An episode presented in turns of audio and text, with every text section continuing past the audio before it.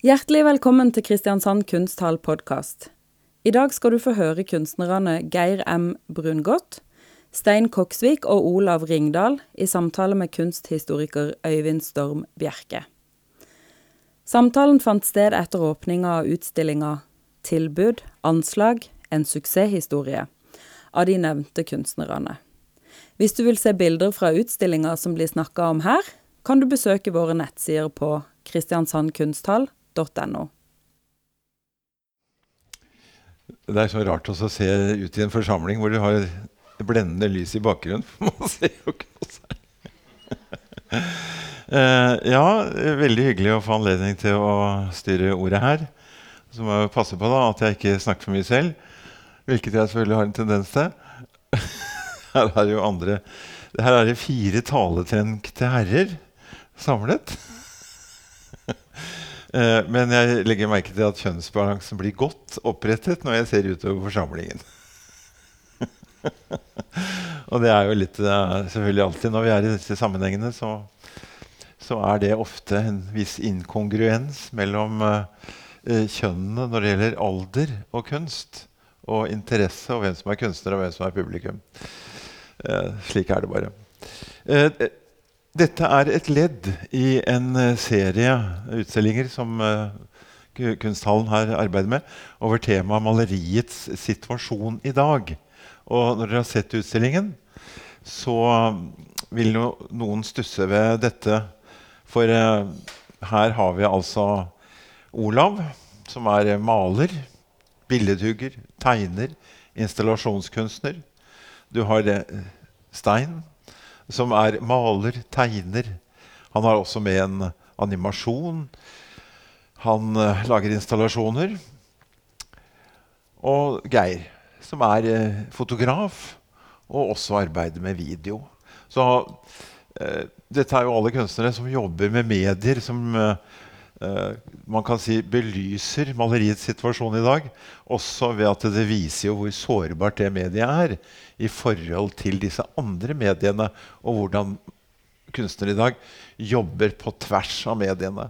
Men det må jeg jo bare si at bunnlinjen for disse tre kunstnerne for meg, det ligger jo i at uansett hva de jobber med, så er dette for meg usedvanlig formsterke kunstnere.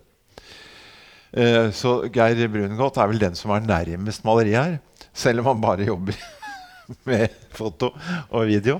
Fordi eh, han er jo en sjelden formalist, etter mitt syn, når jeg ser på bildene hans. at her er jo en millimeterpresisjon i uh, gestaltningen og utformingen som kjennetegner han veldig sterkt. Mens både Olav og Stein de, for meg er jo Det som ligger til grunn veldig mye for arbeidene deres, er for meg uh, tegningen. Og basis i tegnekunsten. Spesielt hos Stein. Uh, men det som er for meg kanskje mest viktige med disse kunstnerne, det er jo at de kunstneriske problemstillingene de jobber med, de er jo sentrale kunstneriske problemstillinger. De er, kan ha en nokså generell karakter. De er omfattende, de er inkluderende. Eh, og eh, de er altså ikke liksom, kan du si, marginale kunstinterne problemstillinger. Det gjelder formen, det gjelder bruken av materialer, av mediene etc. Pluss, aller viktigst, dette er jo tre kunstnere som alle tar opp store temaer. Eh, deres kunst kan sees som individuelt betonet, veldig eksistensielt orienterte. Det gjelder alle tre, føler jeg.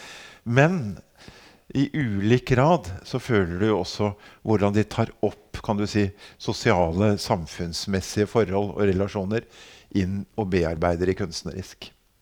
Så jeg oppfatter de alle som det du kan kalle kunstnere i den store tradisjonen, tross alt.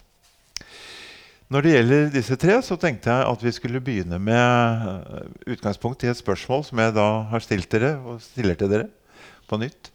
Og det er jo hva har intensjonen vært i forhold til denne utstillingen? Hver for dele, altså hver for seg, men selvfølgelig også, hvis dere har noen tanker om samlet. Om dere har tenkt på hvordan dette skulle kunne fungere samlet. Men det er jo to spørsmål. ikke sant? Det individuelle. Eh, hva er min intensjon? Eh, Er den intensjonen subjektiv, bare knytta til meg, mitt arbeid? Eller er det en overgripende intensjon hos dere? Og da tenkte jeg å begynne med Stein. Ja. Det virker mikrofonen, forresten. Fint. ja. Det er litt vanskelig for meg å snakke seriøst om arbeidene våre. i og med at Når jeg, brukt, når jeg selv bruker stemme eller lyd, så blir det stort sett bare bjeffing og, og, og kvekking eller mjauing. Så, men nå skal vi gjøre et ordentlig forsøk da, på å få satt uh, ord på dette. Det generelle spørsmålet først. Så vil jeg iallfall si at um, vi har vært romlig orientert. Vi vil bruke rommet. Det ønsker har kommet til å se helt annerledes ut hvis vi har vært et annet sted. Så vi har gått høyt og lavt. Fotografien til Geir også så stort som vel alle sammen er på vegg og flate. Det ble montert i et rutemønster der innerst inne som heter Hard City. Og fremfor der så er en installasjon av meg igjen som, som, er også geometrisk, selv om den kollapser. Så alt det der er det ting som vi, vi presser rommet frem og tilbake. Vi går høyt opp, lavt ned, bruker vinduene. Eh, Olav sin store eh, skalkeskjul for selve, var det det du kalte den? Eller hva han het. Og, som også er et rom i rommet, og som på en måte er både utilgjengelig og sjenerøst. Som jeg også syns er en fin ting sånn rommessig her. Og der er også den der eh, søppelserien til Geir Morten får også en mer anarkistisk hengemåte i forhold til det. Og så strammer på andre siden alt det der hele, og bruker hele veggen på en måte. Uh, så må jeg jo snakke om, om, tegningen da, igjen, når det gjelder for meg selv spesielt. Så alt, alt ser jeg ser alt på som tegning i rom, eller tegning konkret på, av tre formater. Animasjon er også basert på de samme tegningene. Og så Jeg begynner med tegningen ofte, og jeg tegner mer enn jeg jobber. For, for meg er ikke tegning jobb, det er ferie også. Jeg skiller ikke mellom ferie og jobb. sånn sett. Og det høres jo utrolig koselig ut for meg da, kunne, kunne ha ferien som jobb eller jobb som ferie. Så jeg sitter der og drodler å tenker på ideer og tegner tegninger. Og tenker aldri egentlig på hva som er kunst eller ikke kunst. Jeg tegner det jeg har lyst til. Jeg har lyst til å tegne et juletre, så tegner jeg søren meg et juletre. Og det er masse interiører, da, for at jeg er jo et innendørsmenneske. Jeg elsker å være hjemme. Da tegner jeg stuene, og jeg tegner meg selv tegner, Og så er jeg på feriested, så tegner jeg meg selv på hytta og sitter og tegner. Og det, det, er liksom sånn hele tiden. Eller så tegner jeg et eller annet gjenstand utendørs som vil fare forbi med bil. Uh, alle sånne ting. Altså, er registreringen, hukommelse der. Så jeg kan bruke ett eksempel som er konkret. Og Den har satt opp det store pleksiglassarbeidet og animasjonen, samt mange av tegningene til animasjonen. De har jo samme tittel, mange av de. De heter hva het de igjen? Kirke... Kirk, Kirken, hunden, katten, var det ikke det? Jo, det var det tittelen var. Uh, og det er på en måte en surrealistisk tittel, fordi hva har de tre tingene med hverandre å gjøre? For meg har det like med hverandre, mye med hverandre å gjøre som hvilke som helst andre tre substantiv. Kirken er her, den er konkret. Jeg så den for første gang for et år siden fra kunsthallen. Du ser ned på den, eller rett på den. Og da kunne jeg lese meg til at det var største kirkebygget i sitt slag, altså nygotikk, i Norge. Og den er gjort i betong. Og den har en slags rar, alminnelig skjønnhet, som også refererer mye til, det, til den tidas gode smak og slike ting. Og som jeg, jeg refererer alltid til altså borgerlig eh, omriss rundt mange av mine tegninger også, om det borgerlige interiøret, hva det nå er for noe. Så det er alltid, Og jeg elsket det bygget, så jeg bare satte i gang og så brukte pleksiglassarbeid i forhold til det. Og samtidig så har jo jeg katt, og katten min kommer fra Kristiansand. og så eh, også i sommer så ble jeg eksponert for en hund. Som egentlig skulle være sånn et par dager på feriestedet, men som ble en par uke, par, i hvert fall en uke. Og for, for, for, meg å bearbeide den hunden som sprang rundt der, så begynte jeg å tegne den og drive litt gjøn med den. egentlig. Uh, og samtidig, som det var rett før det igjen, så søkte jeg på et atelier kommunalt i Oslo. Eh, fordi kommunale atelierene er mye billigere. Og da søkte jeg på ett som ligger overfor Tranen, hvis noen vet hvor det er, i Oslo. Uh, ved Alexander Kiellands plass. Der står det et bygg som er satt opp rundt første verdenskrig. Men har fremdeles det veldig sånne der eh, nybarokke over seg, på en måte, hele bygget. Og det er veldig sånn, og, det, og interiørene når du går, og der var det interiørene over som vært hospits. hospits. Men opprinnelig eh, har det jo vært borgerlig hjem, rett og slett. Også den kombinasjonen av det lugubre innrøykte, mye rusmisbruk. Det merker du i veggene. Og samtidig som at jeg har en borgerlig eh, interiør på samme tid. Jeg gjør en slags dobbelthet som fascinerer meg på mange måter. Og jeg søkte på et av de fineste rommene der. Opprinnelig vært fint, fordi jeg kunne tenke meg å jobbe der. Jeg fikk det aldri. Jeg fikk et knøttlite lite kott istedenfor som jeg ikke kunne ha. Men det satte i gang en tankeprosess, for den peisen var der som ikke kunne brukes. Det var en døråpning med sånn svingdører ut en, en avrundet balkong. Egentlig strukturen veldig flott, men materialene som var blitt tid oppå, veldig slitne. Og så Samtidig også så har jeg prøvd jeg har vært alltid lesehus. Og så jeg leste da Nå skal jeg prøve å være litt kortfattet, for det ja. blir jo for, for, forferdelig ja, lange digresjoner. Fryktelig, fryktelig lange digresjoner her. Jeg kommer aldri i havn. Veldig interessant, ja. Jeg må ikke komme på noe nytt nå, da. Nei, du må ikke nei, nei. nei. Men dette er jo demonstrasjonen av din metode? Ja, ja, det er min metode. Altså, da, og da, og da, da leste jeg, prøvde jeg for tredje eller fjerde gang å lese Faust av Goethe. Og det er jo fryktelig vanskelig for oss moderne mennesker, for det er jo på rim. Men så prøvde jeg en gang til. Og det gikk så bra. Jeg kom igjennom det, og det var en kort, litt kortfattet versjon for, for, som var gjort for Nationaltheatret i Oslo i 1942. Og dette var jo fine saker. Dette gikk som, som, som det kvein, tenkte. Og da kom jo puddelen frem. da Som blir til djevelen, elegante djevelen. Og da, da plasserte han det, den puddelen i det interiøret. Og det er også en del av animasjonen handler om det, egentlig. Og tegningene. Men jeg kom opp i det interiøret der. Og det er samtidig det hunden som vi var sammen med i sommer. Katten måtte bare være med. For disse kjæledyrene har jo både noe veldig søtt over seg og noe veldig vulgært over seg. Som er veldig fascinerende. Så det, det ideen må jeg, jeg, tror jeg må stoppe nå. Jeg tror jeg stopper. Det er helt riktig det du sier. Altså, katt, jeg er også katt. da. Og den uh, viser jo ustoppelig rumpehullet idet den løper opp og ned trappene, og elsker det. så de er jo veldig vulgære. Det er riktig. det. Ja, Olav. Ja. Kort versjon. Nå har jo han sagt det meste. ja, Da kan jeg si litt om uh, sånn som jeg har tenkt uh, i forhold til denne utstillinga her. Uh, nå er jo jeg og Stein stilt ut sammen noen ganger før, for en del år siden. Så jeg tenkte at når Geir kommer inn i det, så Så var det viktig for min del at uh, Geir kom imellom og balanserte uh, Tok balansen mellom meg og Stein. Fordi vi jobba veldig ulikt idémessig.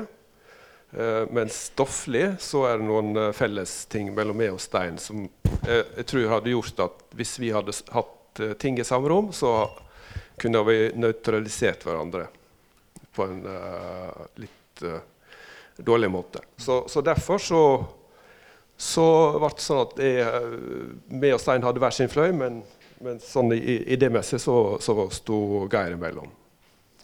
Uh, og jeg, jeg, vil heller uh, altså For meg er det, er mye viktigere med en konfrontasjon enn uh, samarbeid. Fordi konfrontasjonen skaper mye mer energi og, og spenning enn samarbeid, som for min del er veldig eh, litt sånn dølt og, og, liksom eh, litt for mykt i forhold til min, eh, min, eh, mitt temperament, da.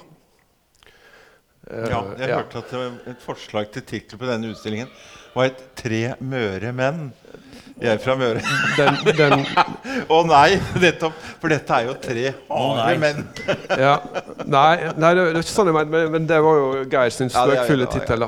Ja. Men jeg, jeg, tror jeg stopper der nå, så kan Geir fortelle. For det er Geir sin idé, egentlig.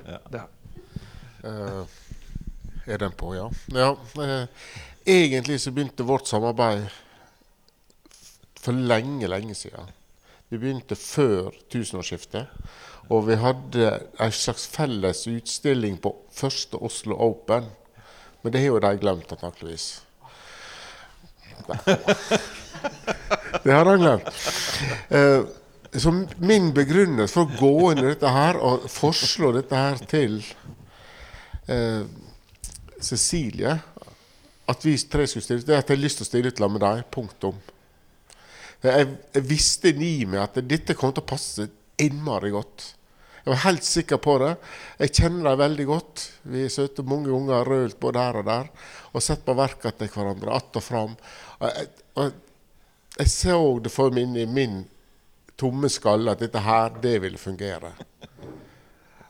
Og så ble det faktisk De var det ene som trodde det, og de var litt mer skeptiske. Men når vi heiv oss inn i dette, vi la en veldig god plan til å begynne med. Tegna med kruseduller av Olav på et papirark. Eh, som også egentlig er fylt. der at Vi hadde våre hovedområder, og så hadde vi noen blandingsområder. Og at eh, de to her borte ikke var i lag. Eh, og hva jobber jeg sjøl med som, med fotografi? Det som jeg finner for interesse. Og Av og til så er det søppeldunger, og av og til så er det skyskrapere. Og så er det kamera opp og kamera ned, og att og fram og hit og dit. Men nesten alt har noe med å være kanskje litt innestengt, utestengt, vekkstengt. Er det andre som har valgt å, å stenge en ute, eller er du sjøl valgt å stenge ute? Og det syns jeg skal være åpen for de som ser. Eh, du kan tolke de som står ryggen til på mange måter, om, om de går ifra deg, eller om det er du som står og ser utover. Eh, det er fritt. Fritt fram. Så nå skal jeg overlate ordet til Øyvind. For Ja. Stein han bruker jo tre dager, fem år. Ja, jeg, jeg har ikke klokke her, jeg vet du, så jeg tikker inn. Uh, ja, uh, altså Jeg har jo hatt gleden av å skrive om uh, alle tre i helt ulike, forskjellige, altså, ulike sammenhenger. og på ulike tidspunkter. Så for meg så syns jeg jo utstillingen som du er inne på Dere, dere kler jo hverandre. Og kler hverandre nettopp fordi at ved at du kommer inn i bildet her, så skapes jo en distanse mellom eh, Olav og Stein Koksviks arbeider. Som, og jeg er helt enig med Olavs vurdering at setter du de to sammen, så kan de lett nøytralisere hverandre. Eh, og en annen ting er jo det at eh, som dere ser også når dere ser i utstillingen eh, Olav Ringdals arbeider er jo veldig dominante. Altså det er et hardt anslag. Åpner hardt. Mm, ikke sant? Anslaget er hardt, og dermed så blir jo det ofte dominerende i en sammenstilling med den andre. Mens eh, Koksviks anslag det er jo mye lettere, og det er litt, litt sånn lekent, sprudlende. Det går mange forskjellige veier. Det er jazz. jazz. Det er jazz, ja. Mens det, du er liksom begynnelsen på noe tungt. Og det mm, ikke sant? Jeg vil legge til veldig kortfattet at, eh, at, eh, at man må være veldig musikalsk for å lage en sånn video. absolutt. Ja, nei, altså, Du mente jazz noe nedsettende, du kanskje? Og huff og huff? Nei. Nei. Det er, anslag- det er, dette er lekent, det er morsomt. det. Det er det- det- improviserende. Det, er- det, er, det mener jeg er det, det spontane som, eh, Ja, som Stein har med seg. Ja. Som, eh, for, for min ting er jo det er veldig planlagt. Det. Altså, det er Innafor planlagt så er det, er det jo selvfølgelig en viss spontanitet, men, men ja. eh, Det bak den det er ikke, liksom, det, det er ikke Nei, bak den. Pippi-saken så er det en to-tre skistbøker Ja, på mange sant? hundre sider. Ja. Du ser det jo på selvportrettet ditt. Eh, altså, du har jo titalls av selvportretter i denne utstillingen. Og, så, og det er klart at eh, denne gjentagelsen av visse former Og jeg husker jo der fra Kunstakademiet i Trondheim, og jeg kan jo se eh, elementer helt tilbake til da du begynner egentlig i midten av 80-åra i kunsten din. Så det er jo et veldig veldig konsistent kunstnerskap på den måten der. Men det er jo også Stein, men det er jo også mye mer lekent. Mens eh, Geir, da han, eh, han, som sagt, han, Tyngden i hans kunst finner jeg i, i dette å arbeide med form. Og gi form mening. Som du sjøl uttrykte veldig godt. Det er jo et kjempearbeid her eh, hvor motivet er fra Paris. Og det viser jo på en måte in, Det viser jo finanskapitalens innvirkning på utformingen av Paris. Og det er veldig innestengende, som du sier. Og det eneste liksom som friheten du kan føle, er når du løfter blikket opp så at du ser himmelen. For alt annet det stenger deg inne. Og det, det får du jo veldig uttrykt rett og slett gjennom formen i bildet. Så dere er jo veldig forskjellige. Så anslaget ditt, da eh, Men det er også et ganske tungt anslag du har altså, i forhold til Stein. Derfor, og, så, men det passer. Ikke sant? Det blir på en måte denne, dette formidlende mellomleddet mellom kunstnerne. Og så er det at denne bygningen er jo et fantastisk utstillingssted. På den måten at det åpner opp for å skape den type variasjon. Og det er jo genialt, det grepet som er gjort her nå med å lage denne boksen i midten. For noe av problemet Jeg kjenner jo stedet fra gammelt av. Det er jo liksom den gangen Det er første gang jeg har sett dette her, så var det bare en sånn lang tarm ikke sant, med glass på den ene sida og så noen bilder på venstre hånd. liksom. Og det var jo ikke egentlig et rom. Eh, og så får du dette rommet, da. Så nå får du tre distinkte romavsnitt. Eh, og det, dette, dette har jo dere brukt eh, veldig aktivt i monteringen og i oppbyggingen av utstillingen. Så det er jo veldig interessant. Eh, denne utstillingen har jo mange aspekter. Et aspekt er at den er i et bibliotek, og det er veldig viktig. Eh, bibliotekene, eh, i likhet med kunsthallene i Norge, og også kunstnersentrene, og museene, selvfølgelig, det er jo offentlig finansierte kunst- og kulturhuber. Og dette blir jo mer og mer en slik kunst-kulturhub, dette stedet i Kristiansand. Og det er en del av det at du har et det er ikke, dette er en del av det ikke-kommersielle kretsløpet, som det heter, i kunstverdenen. Eh, og eh, eh, Men det peker jo også på dette som en del av rammen for virksomheten her, at det jo faktisk foregår i en eh, universitetsby. Det også setter preg på aktiviteten. Og du merker jo en enorm ambisjon i stedet nå. Det har gått litt opp og ned. Da jeg først ble kjent med stedet, så var det jo da var det grafikk for alle penga. Det var ikke det utstillingene pleide å sitte, men det var omtrent det det kunne Den gangen man hadde sånne svære presentasjoner. ikke sant? Mens i dag så er jo den kunsten som vises her, mer og mer ikke-kommersiell. Og egentlig en utfordring til, både til det kommersielle, eh, men også til eh, museene. Fordi hvis dere skal lykkes i Kristiansand som kunstby, så må dere jo få med den energien som ligger nettopp i denne type institusjoner. Og som kan gå litt på tvers av museene. De er modigere, de tar større sjanser, de er mer eksperimentelle. Eh, og som sagt, eh, de har en annen oppgave rett og slett enn museene. Og også en annen oppgave enn de kommersielle aktørene. Og jeg må jo si at det, Blant de minst kommersielle kunstnerne jeg kjenner, så er jo dere tre. Eh, dere tre er veldig anerkjente kunstnere. Ingen av dere er knyttet til noe galleri, til min store forbauselse. For det burde dere jo vært, selvfølgelig. Og dere jobber jo på en måte på så individuelle premisser. Eh, og virker jo så kan du si, beinharde på å sette premissene for virksomheten deres. Eh, at eh, for en gallerist så måtte dere jo antagelig vært et mareritt. Jeg ser du har en kommentar til dette. Ja, jeg har en liten kommentar, Olav. jeg har en liten kommentar til det. Fordi eh, av legning så, så er jeg jo egentlig veldig kommersiell. Ja. Det er bare at jeg, jeg får, har liksom ikke fått uh, Dere er sunnmøringer. Ja. Ja, det er klart. Men ikke du! Ikke du. Jeg vil komme med en kommentar der, for det er klart jeg har lyst til å selge og alt dette her. Eh, Jeg har jo le- levd sånn økonomisk på knivseggen i 30 år snart. Uh, Men det er ikke derfor jeg driver med kunst. Jeg driver med kunst for jeg har lyst til å holde på med det. At det, eh, det er et uttrykk som heter 'need to do', et behov for å gjøre det. Og det er mye sterkere enn det, det meste annet. Og jeg greier faktisk et mareritt for eh, ja, for de som eventuelt skal selge, for de vil ikke få det de vil ha. Al- Altså det, det er helt umulig for meg å liksom tenke at jeg, nå skal jeg ta med dette, for jeg vet jeg liker det. Eller ta et bilde, for det kan jeg gjøre noe med. Jeg tar bare et bilde som jeg har lyst til, og så setter jeg det i eh, over Jeg bruker mange år på en serie. Kan fotografere kanskje to måneder, men jeg bruker kanskje tre år på å sette den i hop. Men jeg ser jo det, Olav, at du har jo et innslag i denne utstillingen som jo nærmest er en parodi på klovnebildene til Aulie. Auli. Altså dine selvportretter. Så det er klart at eh, i den rikt, riktige settingen og fremført på riktig måte, så ligger jo et stort kommersielt eh, potensial i dine skildringer både av deg selv og ikke minst også Pippi Langstrømpe, selvfølgelig. Eh, og Stein Koksvik har jo også dette litt sånn burleske i kunsten sin, eh, som du kan si har et litt sant, går mot det utrerte. Og det, som du sier, komiske også. Det absurde.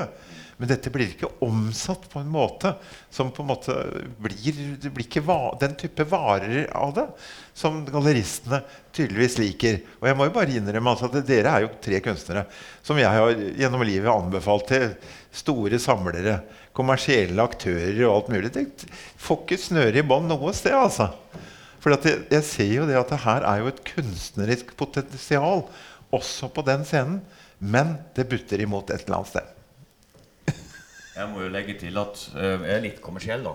Jeg selger tross alt tegninger. Ja. Ja, så- no- På Facebook. Det en, en periode gjorde jeg det der, ja. Mm. På, eh, en periode jeg la ut en tegning hver eneste dag en toårsperiode. Men det ble jo en tvangshandling, så jeg måtte slutte med det. Vi, Det gikk bra. vi billedkunstnere er veldig gode på tvangshandlinger.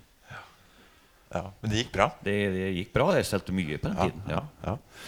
Eh, så vil jeg legge til når det gjelder publikum og eh, kommersialitet og alle sånne ting, så merket jeg at det var iallfall ett individ som var veldig fornøyd med iallfall kuben i går. Og det var hans hund Selda.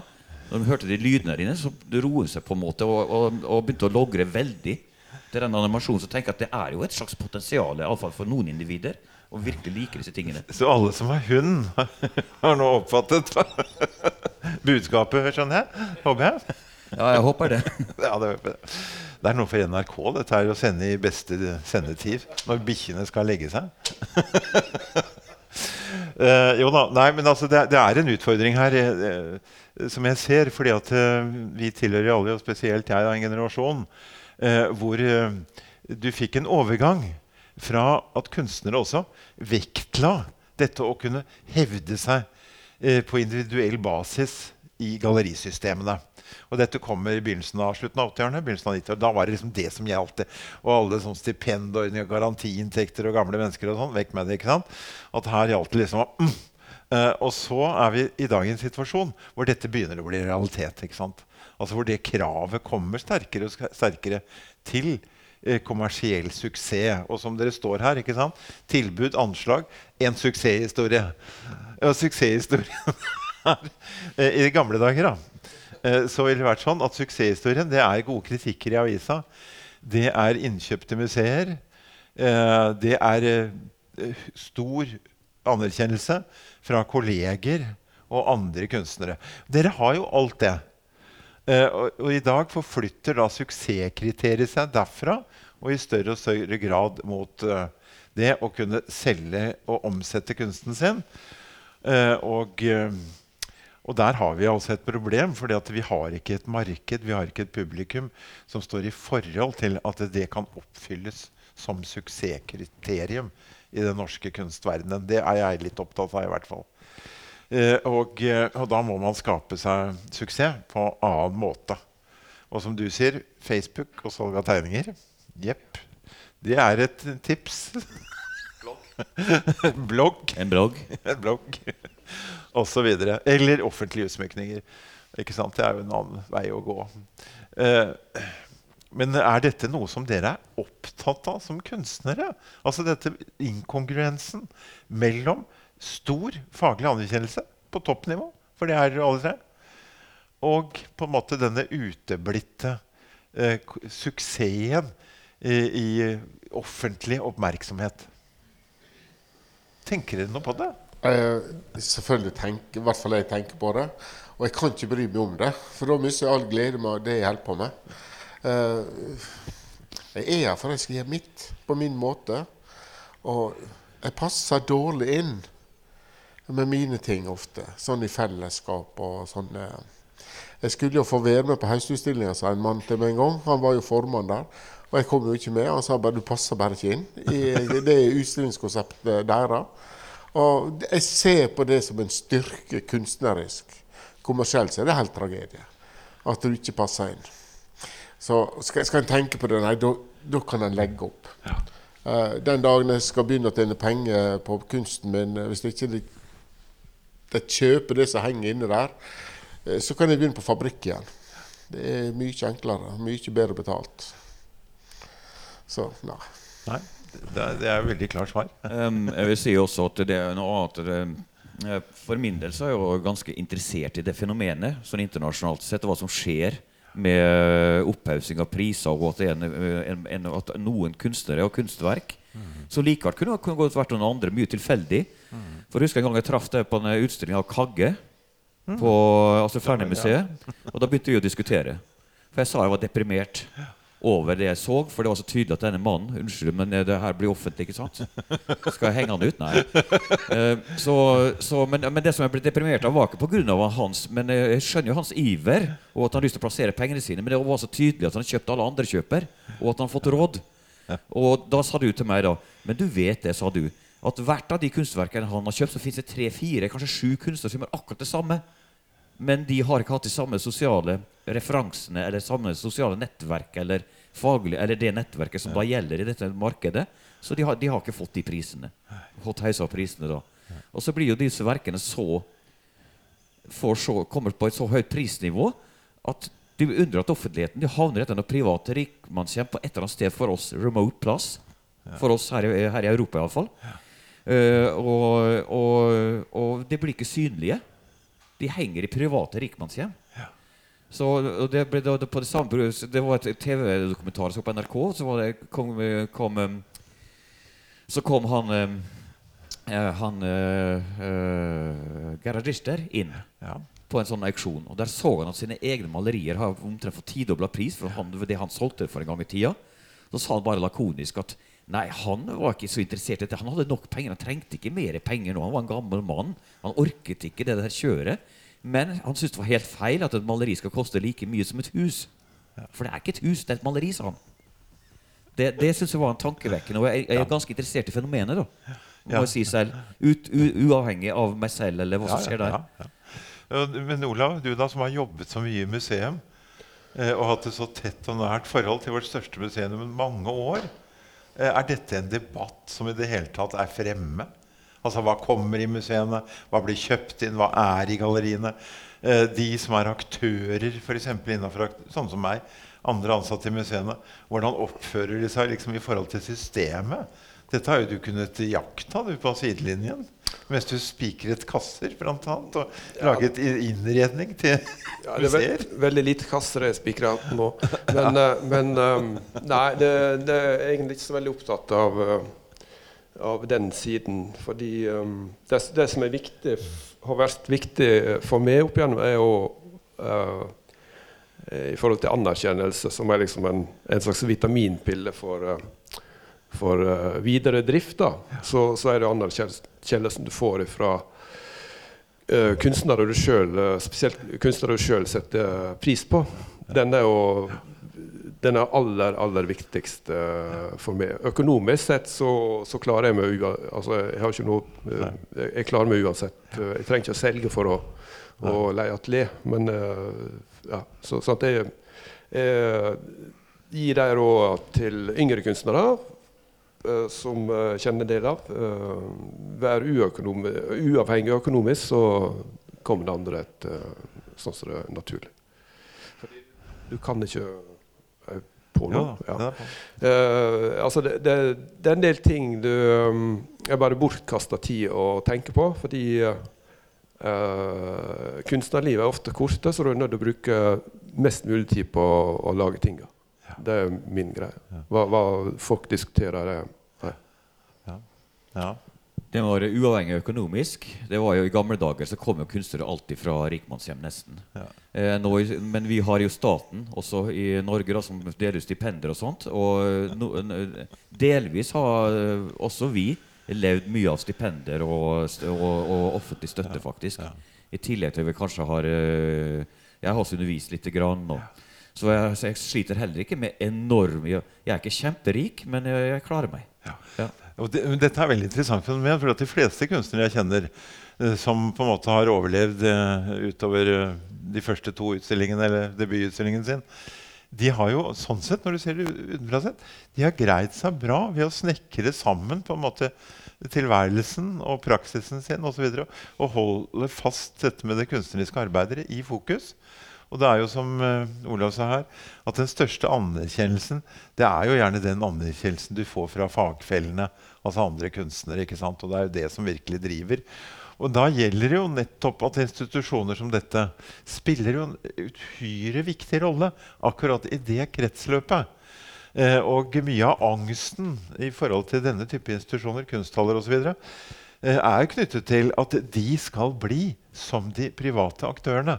Nemlig konsentrere seg om få kunstnere, heite navn, det som er gangbart.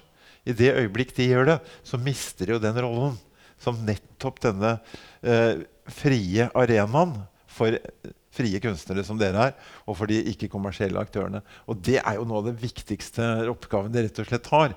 For å, dette er jo på en måte kunstens grunnforskere som dytter grensene her hele tida i sitt kunstneriske arbeid. Og har gjort det gjennom flere tiår. For alle dere har jo vært aktive gjennom flere tiår. Så eh, som Geir sa her, kan jo gjenta det eh, En som hadde sagt til deg at eh, overlever du som kunstner etter 40 år, da er du en suksess. Ja, og det, det er ikke tull. Altså, jeg sa til noen venner i Wien at eh, er du fortsatt kunstner etter du er 40, så er du en suksess. Om du da, om det går bra eller ikke, det, det har jo ikke noe med saka å gjøre. Og holder du på etter 50, og jeg er dessverre over 50, da, så er det faktisk en suksesshistorie. Om enn veldig få som har lest den, og veldig få som vil anerkjenne den. Så ja, det er ikke derfor vi hjelper, altså. altså. Jeg bruker ofte å sitere Mark Twain. Det du ikke kan gjøre noe med, skal ikke bry deg noe om. Så du må bare holde på med ditt. Jeg holdt steinhardt på greia di, var det ei dame som sa en gang. Ja, ja. Husker ikke hvem det var, men hun Det var en utstilling som var for noen år ja, siden. Hun fikk veldig suksess etter hvert, tror jeg. Men ja, ja altså, det, det, som skjer, det skjer. Det. Det var han Arringen du tenkte på. det, du gjengen her for meg nå Ja. og ser hvor, Ja. hvor det gjeng i hop, og det var sånn jeg egentlig Ja. hadde trodd nå i snart 20 år at det kunne bli. Ja. Så det er jo belønning. Det, Nei, men det, det er klart, altså, som Åsmund Torkelsen en venn av meg sa, at uh, alt dette andre vi har nå snakket om nå uh, Hvor viktig er det for å vurdere det kunstneriske arbeidet? Eh, sånn sett så blir det jo av mindre viktighet, veldig mye av dette. Og det er klart at eh, For dere som sitter her og ennå ikke har lest artikkelen til Tone Lyngstad Nyås, som er forfatteren i katalogen, under overskriften 'Kaos, eh, 'Kaoset, livbøyen og randsonens feltarbeid', så gir jo den en veldig god intro og beskrivelse på en måte av de holdningene som kunstverkene gir uttrykk for. Eh, og som jeg også føler kommer inn i på en måte blir manifestert da, gjennom verkene. Eh, og det hun har vært opptatt av å vise, forenklet sett da, i artikkelen, det er jo nettopp hvordan eh, denne dynamikken mellom det oppløste kaoset, det truede og orden, hvordan den kommer til utfoldelse på ulik måte hos alle dere i verkene deres. Men også dette at dere jobber på en måte i randsonen av det aksepterte. Og det som er integrert og på plass og, og på en måte er kanonisert eksempel, i kunstnerisk forstand. Altså at dere er liksom ute i feltet, dere feltarbeid. Ute i de usikre sonene av kunstfeltet. Og trykker på og overskrider grenser osv. Og, så og det er jo det vi, jeg føler nesten blir tematisert eh, av dere alle sammen. Da, og, og veldig konkret egentlig i, Olav og Steins arbeider. Hvor du får sånn nesten fysisk Oi sann, ja. Her, der føler du det nesten fysisk. Og da eh, er jo det også knyttet til, tilbake til utgangspunktet med maleriet.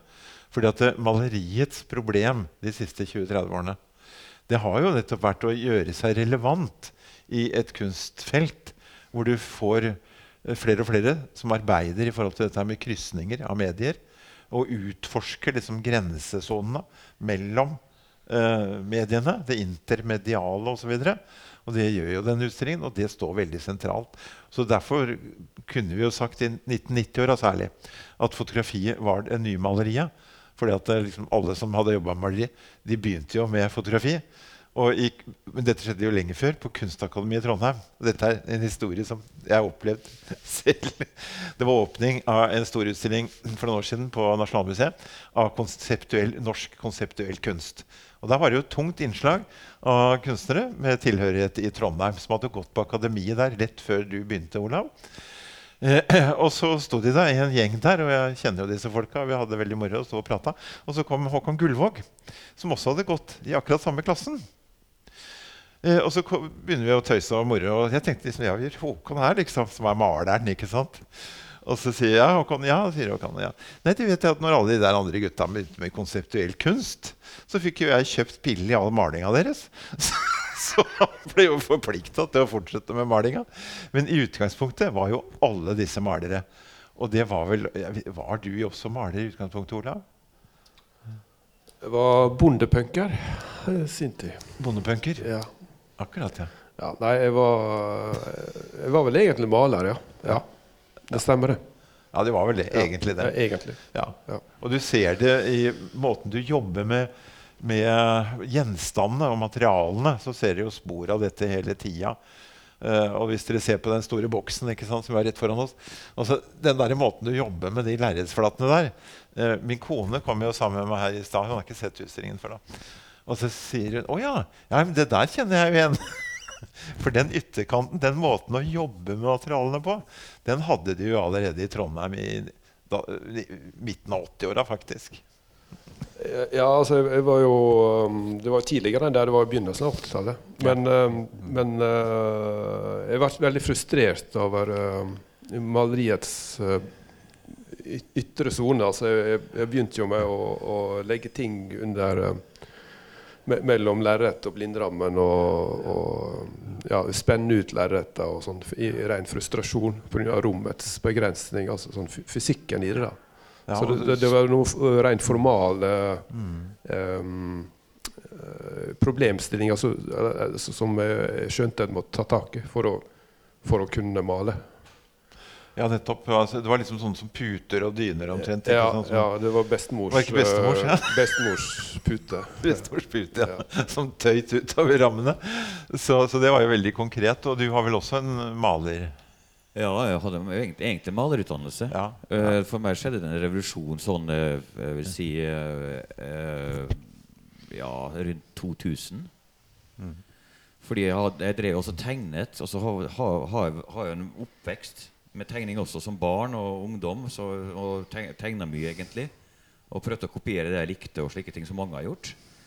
Og så gjennom denne, denne Det blir på en måte gjennom en kunstakademiutdannelse så blir man på mange måter eh, ja, det går en slags, Du blir på en måte, du går hjem med kvern hvor du på en måte eh, Hva kalles det? Du, du, blir på en måte raffinert. da og, og, jeg husker at og da, jeg husker på den tida jeg gikk, da, så var det slik at eh, en, en, kunsttegning skulle ikke se ut som en illustrasjon. Skulle ikke se sånn ut, det skulle liksom være kunstnerisk. Mm. Og det endte jo med at jeg nesten ikke klarte å tegne lenger. Det ble jo, og jeg begynte å male bare, bare flater. Bare en flate, enten gul eller rød eller grå. Og, og tegningene ble, jeg synes det ble plutselig uinteressant å tegne nesten, selv om jeg likte det så godt. Så tenkte jeg faen heller, tenkte jeg, unnskyld banningen. Tenkte jeg da når jeg var på den tiden Hvorfor i all verden skal jeg Kan ikke bare tegne tegning er abstrakt? Det er streker. Jeg kan tegne hva jeg vil. Jeg kan bare tegne i vei. Så jeg trenger ikke å holde på med det tullet der. Bare ta, få, få, få frodigheten på plass, få, få det til å skje ting. Og for meg var det utrolig nyttig. Og, da, og da, samtidig så var jeg også tegnelærer. Og da jeg måtte gå gjennom grunngreiene om og om igjen også, det, Jeg lærte bort anatomi og sånne ting, og jeg måtte tegne megastort eh, som pedagogisk sett. Og alt det sammen gjorde at jeg ble plutselig så tenkte jeg at dette var et heldig sammentreff. At jeg måtte jobbe som det samtidig som jeg har utviklet tegnepotensialet. For jeg, da ble jeg jo rasende. Fikk en presisjon også som, som, eh, som, jeg har dratt veldig nytte av. Mm.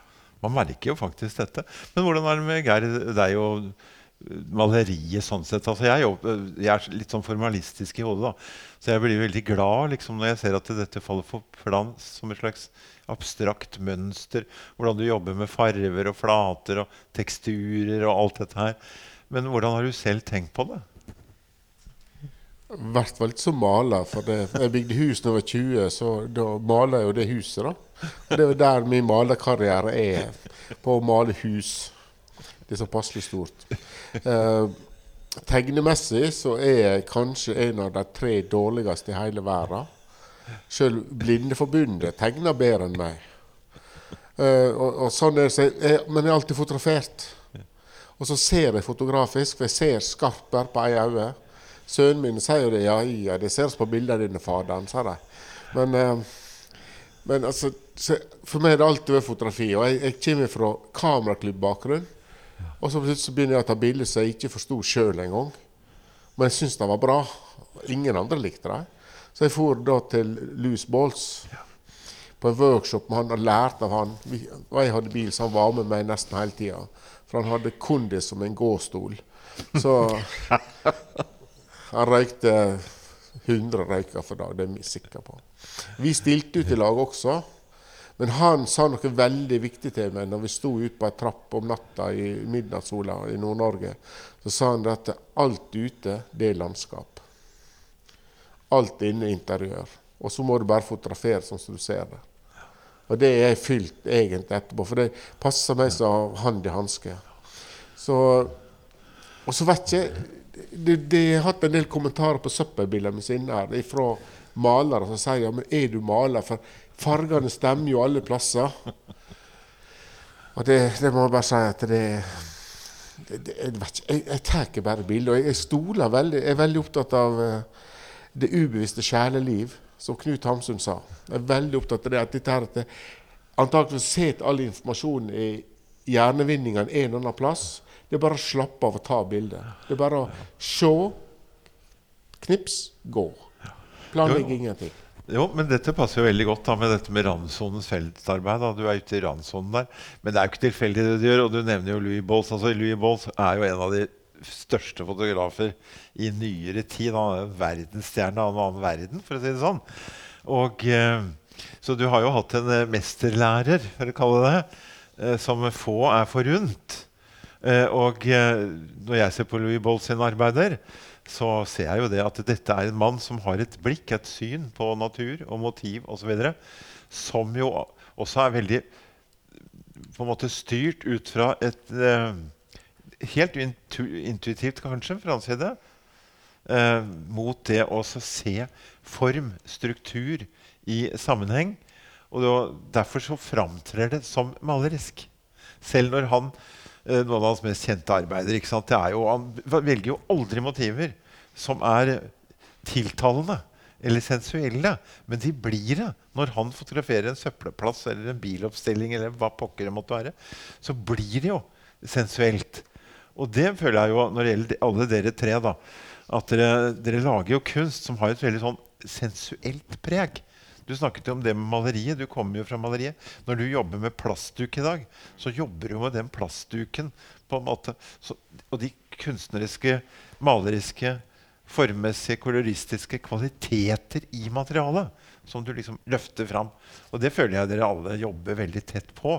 Og da er du inne i en diskusjon som har stor relevans i forhold til nettopp diskusjonen rundt maleriet de siste generasjonene, egentlig.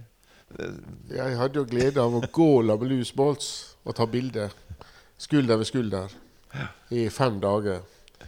Og det, det var bare sånn jazz. Så stilte vi ut i lag i Fotogalleriet da i 96. Og, og, og vi passa i hop. Og så er jo en amerikansk superstjerne, og så er det en amatørfotograf fra Sykkø. Men det passer likevel i hop. Og det var litt interessant. Det, det er så. interessant, ja. Og, og, det er jo noe av den uh, verdien som ligger i, i, denne type utstillinger også. Dette at uh, dette er jo ikke en utstilling som, uh, som bæres av f.eks. kjendisfaktoren. ikke sant? Av store navn osv. Det bæres av kvalitetene i enkeltarbeidene. Det er, det, er, det som liksom da løfter denne utstillingen opp, da, som vi er vitne til her og som gjør den møyen verdt, som det heter.